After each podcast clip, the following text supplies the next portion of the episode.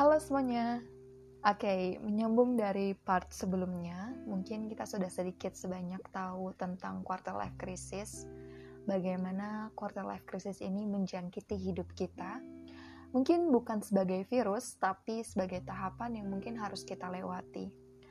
Fase yang memang tidak mudah, fase yang semua orang pasti pernah mengalaminya, fase di mana orang-orang harus beradaptasi dengan langkah-langkah atau hari-hari yang baru setiap harinya. Dan setiap orang itu punya cerita dan penyelesaiannya yang berbeda. Dan mungkin aku salah satunya. Walaupun aku masih sangat berjuang dalam fase ini, aku pengen sharing ke teman-teman tentang bagaimana aku menghadapi uh, proses quarter life crisis ini. Fase yang gak mudah ini ya. Oke, okay, pertama mungkin aku bisa sharing ke teman-teman tentang proses penerimaan, acceptance. Proses ini menurut aku adalah proses yang paling susah dari semuanya. Dan proses pertama dari proses semuanya. Karena seiring berjalannya waktu, ketika kita dihadapkan dengan sesuatu yang baru, dengan fase yang baru, kita cenderung gak siap dan gimana caranya supaya kita siap? Ya tadi, acceptance. Kita menerima segalanya dengan lapang dada, dengan kesabaran yang luas, keikhlasan yang lebih luas lagi, dan juga kebersyukuran.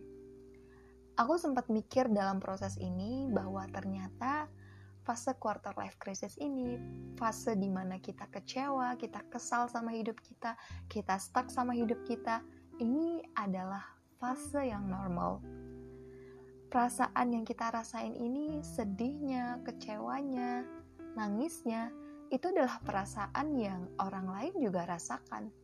Kamu gak sendiri kok, karena semua orang juga pasti merasakan fase ini. Dan aku sempat mikir bahwa dari proses proses semua yang terjadi dan beberapa hal yang mungkin menyakiti kita, kita berada di tempat yang tepat yang seharusnya kita berada. Kita berada di fase ini karena mungkin banyak hal lain yang harus kita pelajari. Banyak hal lain yang ternyata memberikan kebaikan kepada diri kita sendiri. Kita hanya disuruh berjalan, bukan berlari pada apa yang mungkin kita kejar. Karena dalam proses itulah kita merasakan kenikmatan, karena proses itulah yang banyak membentuk kita dalam versi terbaiknya. Memberikan kita segala kekuatan dan kualitas hidup yang mungkin lebih dan lebih lagi. Prioritaskan diri kita sendiri. Nah, kadang kalau kita udah terlalu sering nih ngelihat pencapaiannya orang lain, kita terlalu mendengarkan penilaiannya orang lain, kita jadi punya standar yang tinggi atas diri kita sendiri dan percayalah, kalau kita hanya mementingkan penilaian orang lain, apa pun yang kita lakukan gak akan pernah memberi kita kepuasan. Tapi kalau kita lebih memprioritaskan diri kita sendiri, usaha yang kita keluarkan juga jauh lebih ikhlas, kita jauh lebih puas, dan kita jauh lebih menghargai diri kita sendiri. Yuk kita mulai berani untuk tanya sama diri kita sendiri, apa yang buat kamu happy dan apa yang buat kamu gak happy. Buat list prioritas hidup, tentukan standar kita sendiri. Kita worth kok untuk orang-orang yang memang layak untuk kita. Terima saat kita jadi berbeda dan tetap berusaha untuk menjadi versi terbaiknya kita. Nah, mungkin yang ketiga ini adalah uh, yang sering yang paling sering teman-teman suka lakuin kali ya. Dan aku juga sih pernah waktu itu compare yourself to others. Jangan membandingkan diri kita dengan orang lain. Semakin banyak kita membandingkan diri kita dengan orang lain ternyata semakin banyak hal yang kita lupa dengan apa yang kita punya.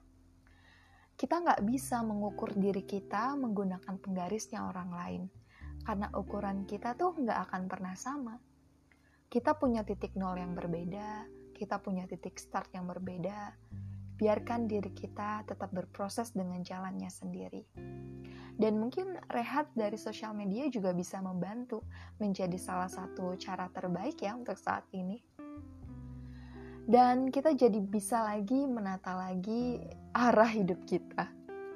Nikmatin progresnya, slow progress is still process. Fase ini juga pasti akan bisa kamu lewatin. Dan yang perlu kita ingat, tidak berjalannya sesuatu yang kita impikan belum tentu kita gagal dalam hidup.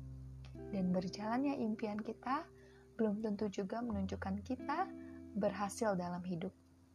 Yang bisa kita lakukan hanyalah tetap melakukan yang terbaik semampu kita, sebisa kita. Semangat!